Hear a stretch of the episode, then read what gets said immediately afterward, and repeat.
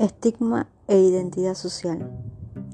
Los griegos, que aparentemente sabían mucho de medios visuales, crearon el término estigma para referirse a signos corporales con los cuales se intentaba exhibir algo malo y poco habitual en el estatus moral de quien los presentaba.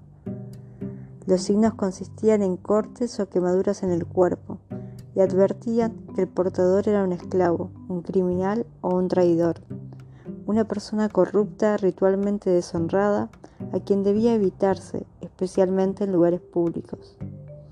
Más tarde, durante el cristianismo, se agregaron, al término dos significados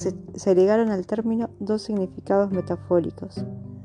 El primero hacía alusión a signos corporales de la gracia divina, que tomaban la forma de brotes eruptivos en la piel, el segundo refería médica indirecta de esta alusión religiosa a los signos corporales de perturbación física. En la actualidad, la palabra es ampliamente utilizada con un sentido bastante parecido al original, pero con ella se designa preferentemente al mal en sí mismo y no a sus manifestaciones corporales.